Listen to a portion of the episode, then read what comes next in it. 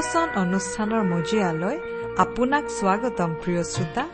আজিৰে পবিত্ৰ ক্ষণতে উজলি উঠা খ্ৰীষ্টৰ জ্যোতি। জীৱনৰ ঘাট প্ৰতিঘাতবোৰে আপোনাক ভাৰাক্ৰান্ত কৰিছে নেকি? জীৱনৰ জটিলতাবোৰৰ ভাৰত আপুনি দিশহাৰা হৈছে নেকি? প্ৰিয় শ্ৰোতা তেন্তে আপুনি এই অনুষ্ঠানটি শেষলৈকে মনোযোগেৰে শুনিব প্ৰভু যীশুৰ বাণীয়ে নিশ্চয় আজি কঢ়িয়াই আনিব আপোনাৰ জীৱনলৈ এক নতুন ছন্দ দিশহাৰা জীৱনক এক সঠিক দিশ প্ৰদৰ্শন কৰিবলৈ এয়া আপোনালৈ আগবঢ়াইছো পবিত্ৰ বাইবেল শাস্ত্ৰৰ শিক্ষামূলক অনুষ্ঠান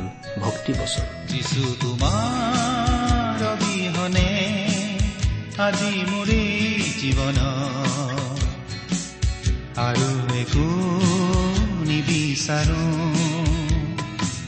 যিছু তোমাৰ অবিহনে আজি মোৰে জীৱন। আৰু একো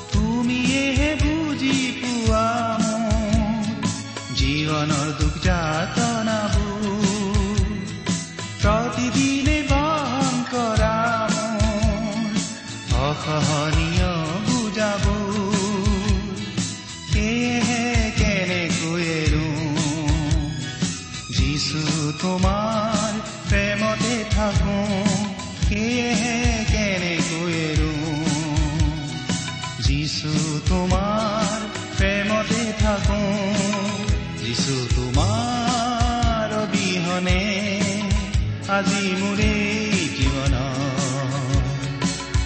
আৰু একো নিবিচাৰো যিছু তোমাৰ অবিহনে আজি মোৰে জীৱন। আৰু একো নিবিচাৰো আৰু একো নিবিচাৰো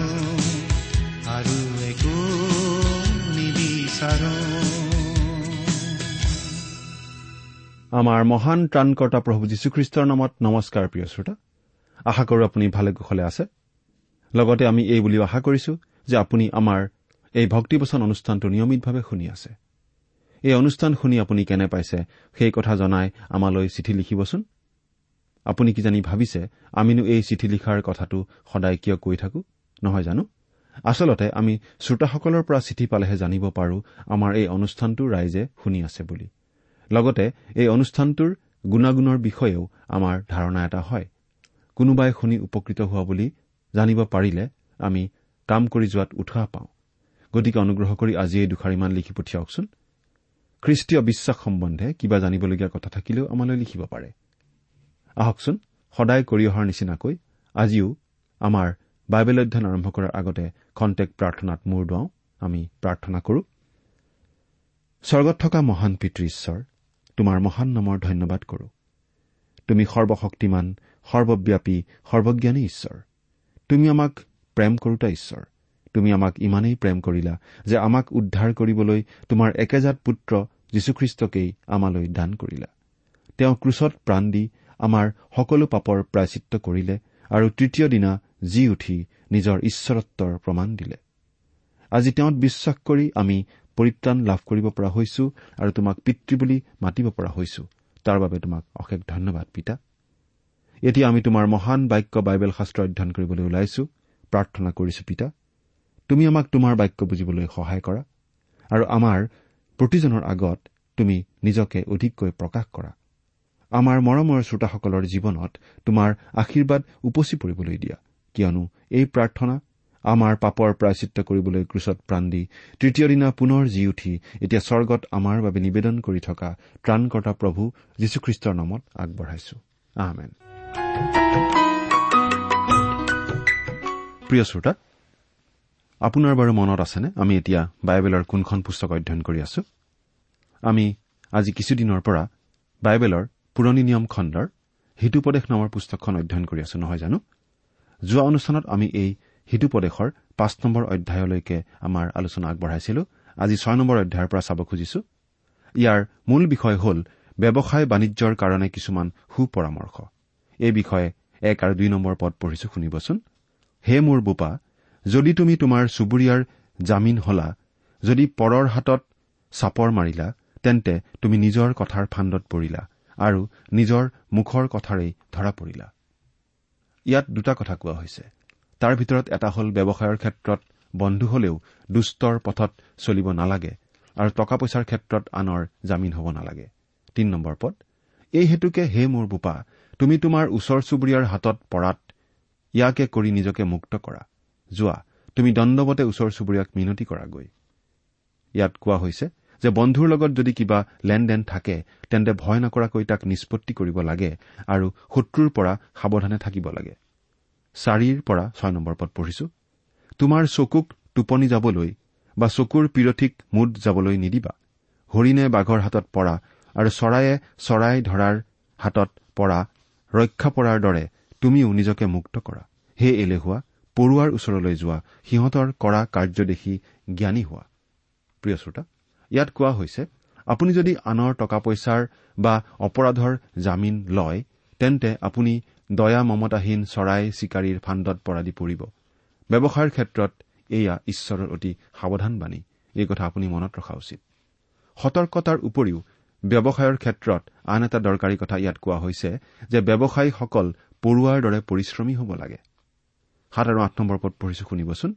সিহঁতৰ অধিপতি কাৰ্যাধ্যক্ষ বা শাসনকৰ্তা নথকাটো সিহঁতে জহকালত সিহঁতৰ খোৱাবস্তু গোটাই আৰু শস্য দোৱাৰ সময়ত আহাৰ চপায়। প্ৰিয় শ্ৰোতা এটি সৰু পৰুৱাৰ পৰাও আমি বহু কথা শিকিব পাৰো। সি আমাৰ ভাল শিক্ষক। তাৰ ভিতৰত এটা হ'ল নিজ ব্যৱসায়ত অতি পৰিশ্ৰমী। কোনো ব্যৱসায়ী তাৰ দৰে পৰিশ্ৰমী নহয়। তাৰ নিজৰ জীৱনৰ প্ৰয়োজনীয় বস্তুৰ বাবে সি অতিশয় পৰিশ্ৰম কৰে। আজি খ্ৰীষ্টীয় লোকসকলৰ মাজত দেখা দিয়া এটি ডাঙৰ পাপ হ'ল এলাহ। আৰু এলেহুৱাসকলৰ মাজৰ বহু এলেহুৱা আজি খ্ৰীষ্টীয় কামত জড়িত হৈ আছে। আজি আমি নিজকে সোধা দৰকাৰ যে আজৰি সময়ত আমি কি কৰো?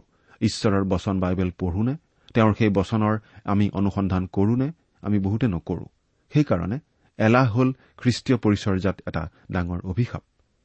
এগৰাকী মহাশয়ে কৈছে যে এজন ডেকা মানুহ তেখেতৰ ওচৰলৈ আহি কৈছিল যে তেখেতে হেনো পালকৰ কাম বাদ দি প্ৰচাৰকৰ কাম কৰিব বিচাৰে। কাৰণ গীৰ্জাত তেওঁ ইতিমধ্যে তিনি বছৰ শিক্ষা দিলে আৰু বাইবেলত নতুন শিক্ষা তেওঁ বিচাৰি নাপায়। সেইকাৰণে তেওঁ নিজকে শুকান কুঁৱাৰ দৰে অনুভৱ কৰে। তেতিয়া সেই মহাশয়ে তেওঁক সুধিছিল বাইবেল অধ্যয়নতনো তেখেতে কিমান সময় কটায়? তেতিয়া তেখেতে সন্তোষজনক উত্তৰ দিব পৰা নাছিল। কিন্তু বুজি পোৱা গ'ল যে এসপ্তাহৰ ভিতৰত তেখেতে মাত্ৰ এক ঘণ্টামানহে বাইবেল অধ্যয়ন কৰে। তাতকৈ বেছি সময় তেখেতে মিলাব বা দিব নোৱাৰে।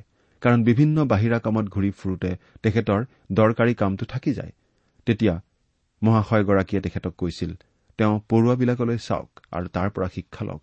সিহঁতে নিজৰ কাম কি কঠোৰ পৰিশ্ৰমেৰে যে কৰে তেওঁ আন কামবিলাক বাদ দিয়ক আৰু নিজৰ কামত কঠোৰ পৰিশ্ৰমেৰে লাগি থাকক। ভালদৰে বাইবেল অধ্যয়ন কৰক। তেতিয়া তেওঁ দেখা পাব যে গীৰ্জাত শিক্ষা দিবলৈ তেওঁ বাইবেলৰ পৰা অসংখ্য শিক্ষা বিচাৰি পাব পাৰিছে। নিজে প্ৰস্তুত নোহোৱাকৈ দেওবাৰে গীৰ্জাত শিক্ষা দিবলৈ বেদী মঞ্চলৈ উঠাটো আচলতে পাপ। এৰা প্ৰিয় শ্ৰোতা বাইবেলত শিক্ষাৰ অভাৱ নাই। অভাৱ হ'ল আমাৰ ইচ্ছা আৰু অধ্যয়নৰ। আমি যদি পৰুৱাৰ দৰে পৰিশ্ৰম কৰি বাইবেল অধ্যয়ন কৰো তেন্তে গোটেই জীৱন কালেও শিক্ষাৰ অভাৱ নহ'ব।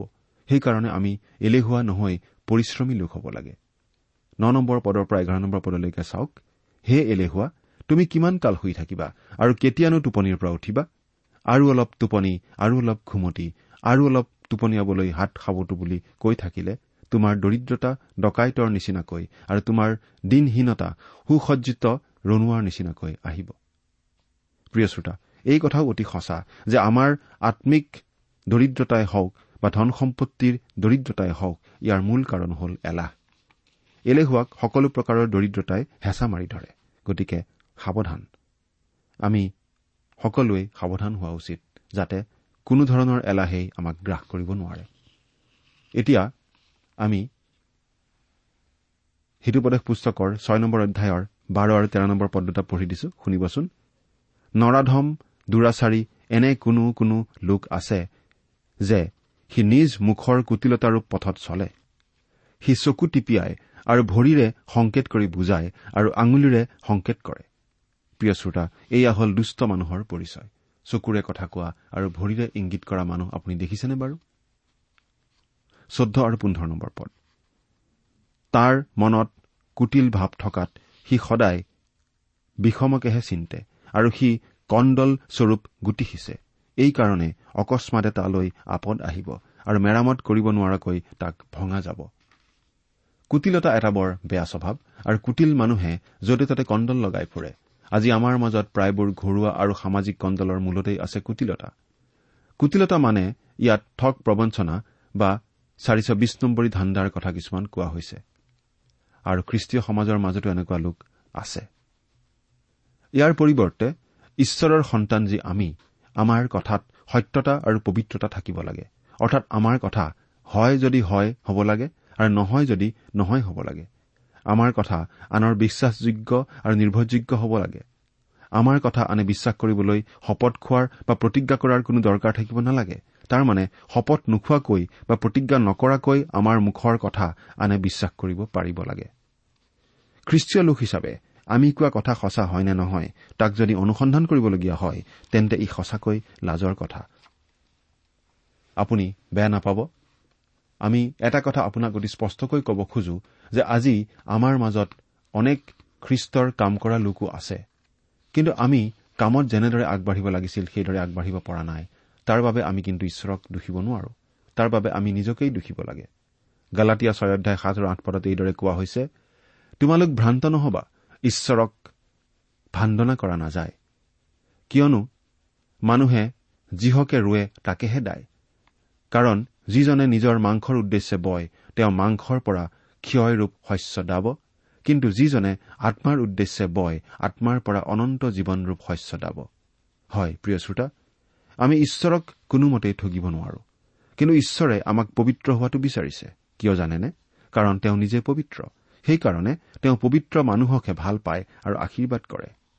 আজি যদি আমি নিজকে সেই পবিত্ৰ ঈশ্বৰৰ লগত সম্বন্ধ থকা মানুহ বুলি জানিলোহেঁতেন ঈশ্বৰৰ সন্তান বুলি নিজকে চিনি পালোহেঁতেন তেন্তে কেনে ভাল আছিল? এগৰাকী ঈশ্বৰ ভক্ত মহাশয়ে কৈছে যে তেখেতৰ এজন প্ৰচাৰক বন্ধু আছিল যিজনে পবিত্ৰতাৰ জাগৰণ আনিব বিচাৰিছিল। সেই প্ৰচাৰক মহাশয়ে কৈছিল আপুনি আপোনাৰ নিজৰ পবিত্ৰতা হেৰুৱাই পেলাইছে। আপোনালোকক এই পবিত্ৰতাৰ দৰকাৰ আৰু আপোনালোকৰ দৰে মানুহে ঈশ্বৰৰ পৰা আঁতৰি থাকি পবিত্ৰতা আনিবলৈ চেষ্টা কৰিলে কি লাভ হ'ব? এই কথা সঁচা প্ৰিয় শ্ৰোতা। ঈশ্বৰক ঠগিব পৰা নাযায়। মানুহক দেখুৱাবলৈ আমি যদি কুটিলতাৰে কিবা কৰো তেন্তে তাৰ পৰা আমাৰ কোনো লাভ নহ'ব বৰং আমালৈ আপদহে আহিব।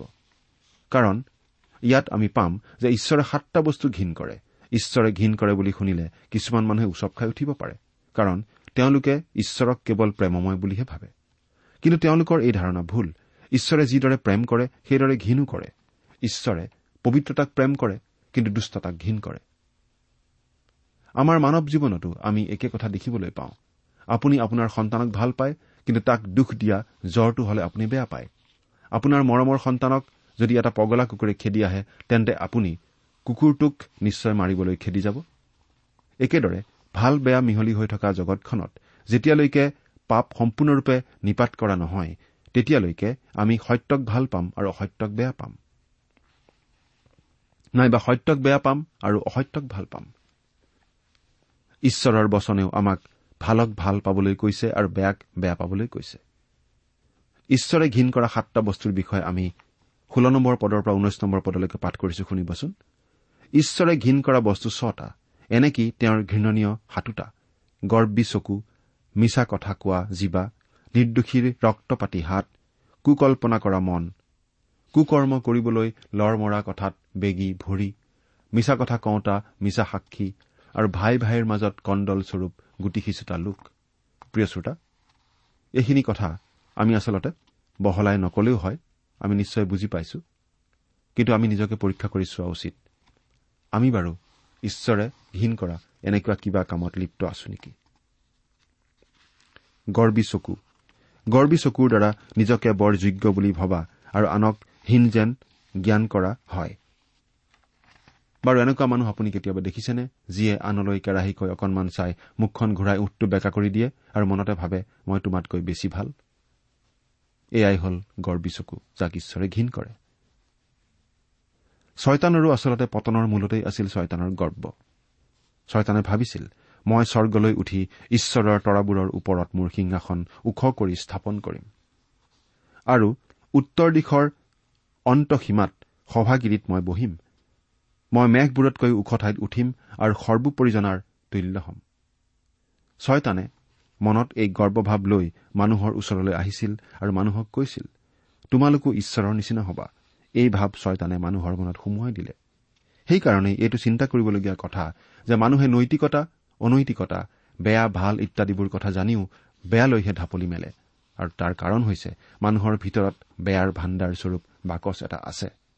এইকাৰণে মানুহে সদায় নিজকে বৰ ডাঙৰ দেখুৱাবলৈ সন্মানীয় আৰু মৰ্যাদাপূৰ্ণ দেখুৱাবলৈ ভাল পায়।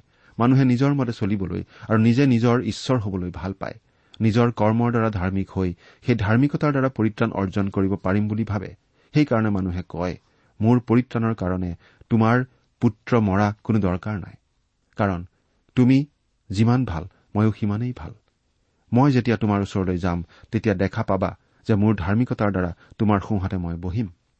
এৰা ঈশ্বৰক এনেদৰে কোৱা মানুহো নিশ্চয় আছে। কিন্তু এই গৰ্বভাৱ ঈশ্বৰে ভাল নাপায়। ইয়াক তেওঁ কোনোমতে সহ্য কৰিব নোৱাৰে। নম্ৰ মনৰ মানুহক তেওঁ ভাল পায়।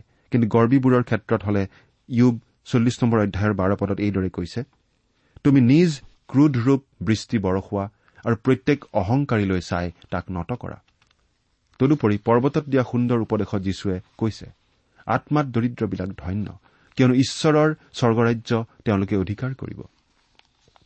সঁচাকৈ আমি যদি ঈশ্বৰৰ স্বৰ্গৰাজ্যত অধিকাৰ পাব বিচাৰো তেন্তে নিজ ধাৰ্মিকতাত গৰ্বী নহৈ আত্মাত দৰিদ্ৰৰ দৰে নম্ৰ হ'ব লাগিব আৰু ক'ব লাগিব হে মোৰ ঈশ্বৰ মই দুৰ্বল আপোনাৰ ধাৰ্মিকতা মোক দিয়ক। যিচয়া ছষষ্ঠি নম্বৰ অধ্যায়ৰ দুই নম্বৰ পদত ঈশ্বৰে এইদৰে কৈছে কিন্তু এইজনলৈহে দুখীয়া ভগ্নচিত্তীয়া আৰু মোৰ বচনত কঁপা এনে মানুহলৈহে মই দৃষ্টি কৰিম। প্ৰিয় শ্ৰোতা এই চৰ্তত যদি আপুনি ঈশ্বৰলৈ আহে তেন্তে ঈশ্বৰে আপোনাক গ্ৰহণ কৰিব কিন্তু গৰ্বভাৱ লৈ আহিলে তেওঁ আপোনাক ঘীন কৰিব। মিছা কথা কোৱা জীৱা প্ৰিয় শ্ৰোতা নিশ্চয় মন কৰিছে যে সুৰা মদ আৰু লাওপানী ইত্যাদি পাণ কৰাৰ কথাতকৈ মিছা কথাৰ বিৰুদ্ধে বাইবেলত বেছি কথা কোৱা হৈছে। তথাপিতো সকলো জাতি আৰু ভাষা ভাষীৰ মাজত মিছা কোৱা অভ্যাস অতি স্বাভাৱিক। গীত ৰচক ডায়ুদেও এইবুলি কৈছে মই অধৈৰ্যত কৈছিলো আটাই মানুহ মিছলীয়া আমিও যদি এই কথাটো ভালদৰে চিন্তা কৰো তেন্তে ডায়ুদৰ লগত একমত হৈ ক'ব লাগিব যে হয় সকলো মানুহ মিছলীয়া। ডায়ুদে মিছাৰ পৰা উদ্ধাৰ কৰিবলৈ এইদৰে প্ৰাৰ্থনা কৰিছিল হে ঈশ্বৰ মিছলীয়া ওঠৰ পৰা মোৰ প্ৰাণ ৰক্ষা কৰা আৰু প্ৰবঞ্চক জীৱাৰ পৰা মোক উদ্ধাৰ কৰা।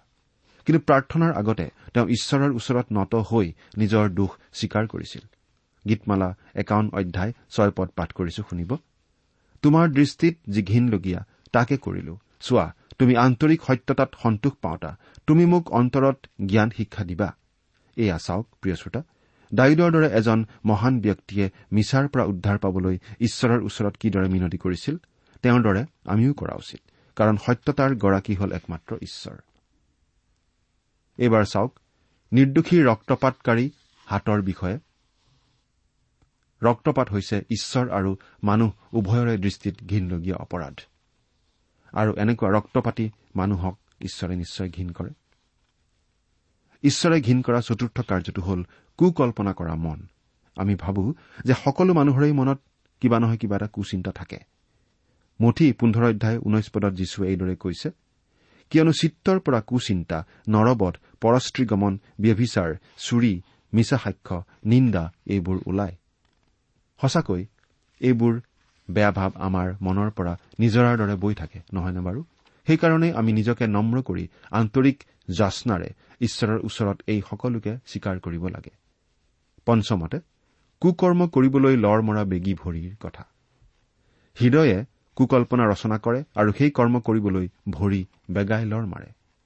যিচয়া ঊনষাঠি নম্বৰ অধ্যায়ৰ সাত নম্বৰ পদত এইদৰে কৈছে সিবিলাকৰ ভৰি কুকৰ্মলৈ বেগাই লৰ মাৰে আৰু সিবিলাকে নিৰ্দোষীৰ ৰক্তপাত কৰিবলৈ বেগাবেগি কৰে।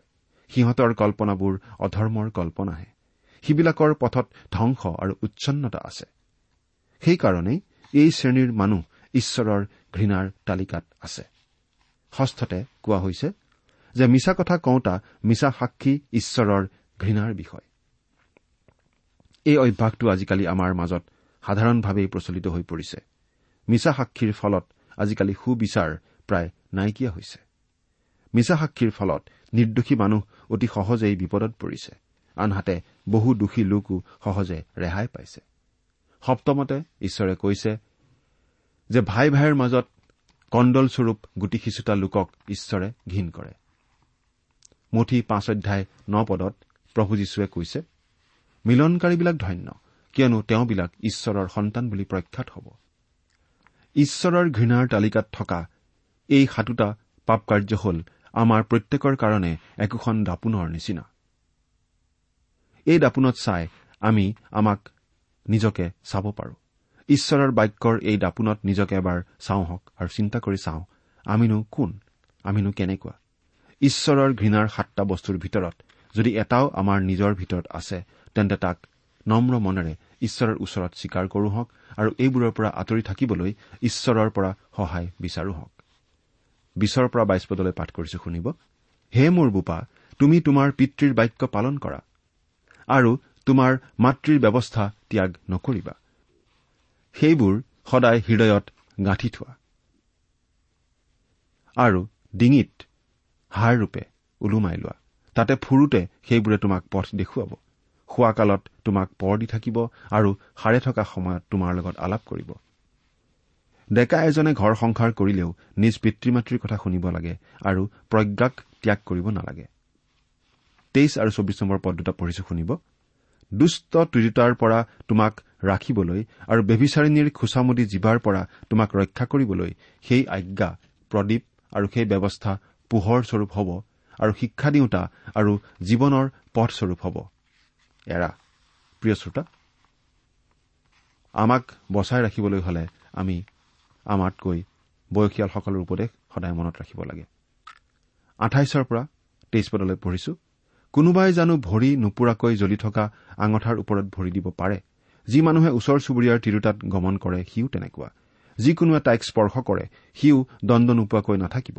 যি চোৰে ক্ষুধাটোৰ হৈ পেট ভৰাবলৈ চুৰ কৰে লোকে তাক ঘীন নকৰিব পাৰে। প্ৰিয় শ্ৰোতা এনেকুৱা ঘীনলগীয়া অপৰাধ যেতিয়া কোনোবাই কৰে তাৰ ফল ভোগ কৰিবই লাগিব। বত্ৰিশ আৰু তেত্ৰিশ পদ।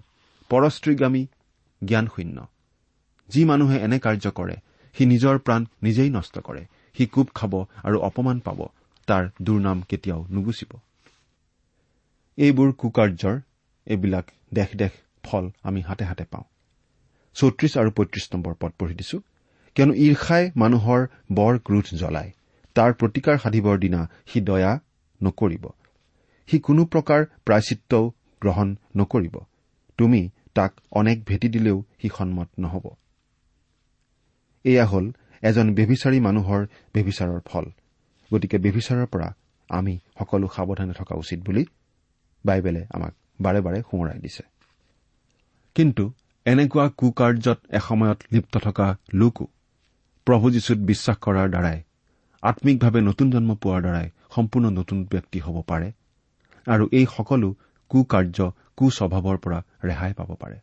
তেওঁ হ'ব পাৰে সম্পূৰ্ণ নতুন ব্যক্তি। প্ৰিয় শ্ৰোতা প্ৰভু যীশুৰ যোগেৰে ঈশ্বৰে আমালৈ সেই সুবিধা সকলোকে আগবঢ়াই আছে। প্ৰভু যীশুক গ্ৰহণ কৰি আপুনি বাৰু নতুন ব্যক্তি হৈছেনে? চিন্তা কৰি চাওকচোন। ঈশ্বৰে আপোনাক আশীৰ্বাদ কৰক। আহমেদ প্ৰিয় শ্ৰোতা ইমান পৰে আপুনি বাইবেল শাস্ত্ৰৰ পৰা ঈশ্বৰৰ বাক্য শুনিলে। এই বিষয়ে আপোনাৰ মতামত জানিবলৈ পালে আমি নথৈ আনন্দিত হ'ম। আমি প্ৰস্তুত কৰা বাইবেল অধ্যয়নৰ চিডিসমূহ পাব বিচাৰিলে আৰু অনুষ্ঠানত প্ৰচাৰ কৰা কোনো কথা বুজিব লগা থাকিলেও আমালৈ লিখক। আমাৰ যোগাযোগৰ ঠিকনা ভক্তিবচন ট্ৰান্সপল ৰেডিঅ' ইণ্ডিয়া ডাক বাকচ নম্বৰ সাত শূন্য গুৱাহাটী সাত আঠ এক শূন্য শূন্য এক। ঠিকনাটো আকৌ এবাৰ কৈছো ভক্তিবচন ট্ৰান্সৱৰ্ল্ড ৰেডিঅ' ইণ্ডিয়া ডাক বাকচ নম্বৰ সাত শূন্য গুৱাহাটী সাত আঠ এক শূন্য শূন্য এক।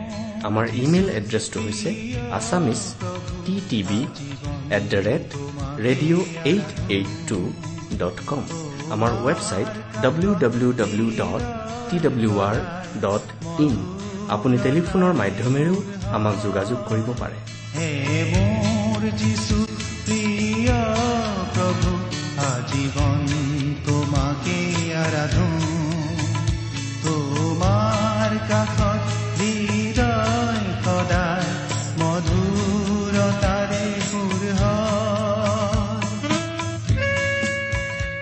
আমাৰ টেলিফোন নম্বৰটো হৈছে nine eight five four zero' four zero' eight eight nine. Phone নম্বৰটো আকৌ এবাৰ কৈছো ন আঠ পাঁচ চাৰি শূন্য চাৰি শূন্য আঠ আঠ ন। আপুনি এই ভক্তিবচন অনুষ্ঠানটি আমাৰ website radio' eight eight two dot কমতো শুনিব পাৰিব। জীৱন নিসংগতাৰ হতাশানে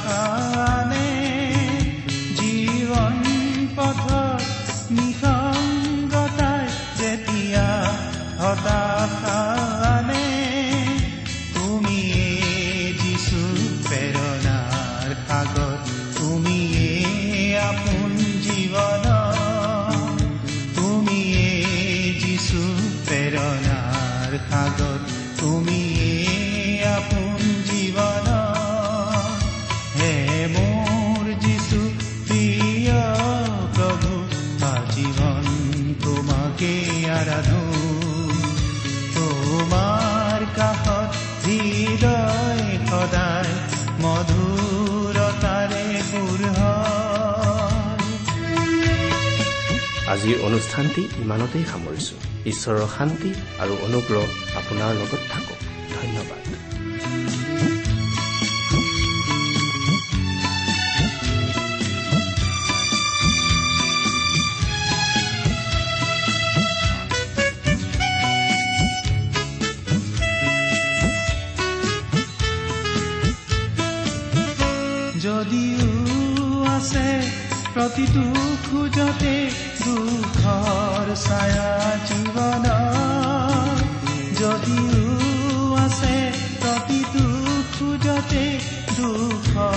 ছায়া জীৱন তুমি গভীৰ সান্তনাৰ সাগৰ তুমি সাধনা জীৱন তুমি গভীৰ সান্তনাৰ সাগৰ তুমি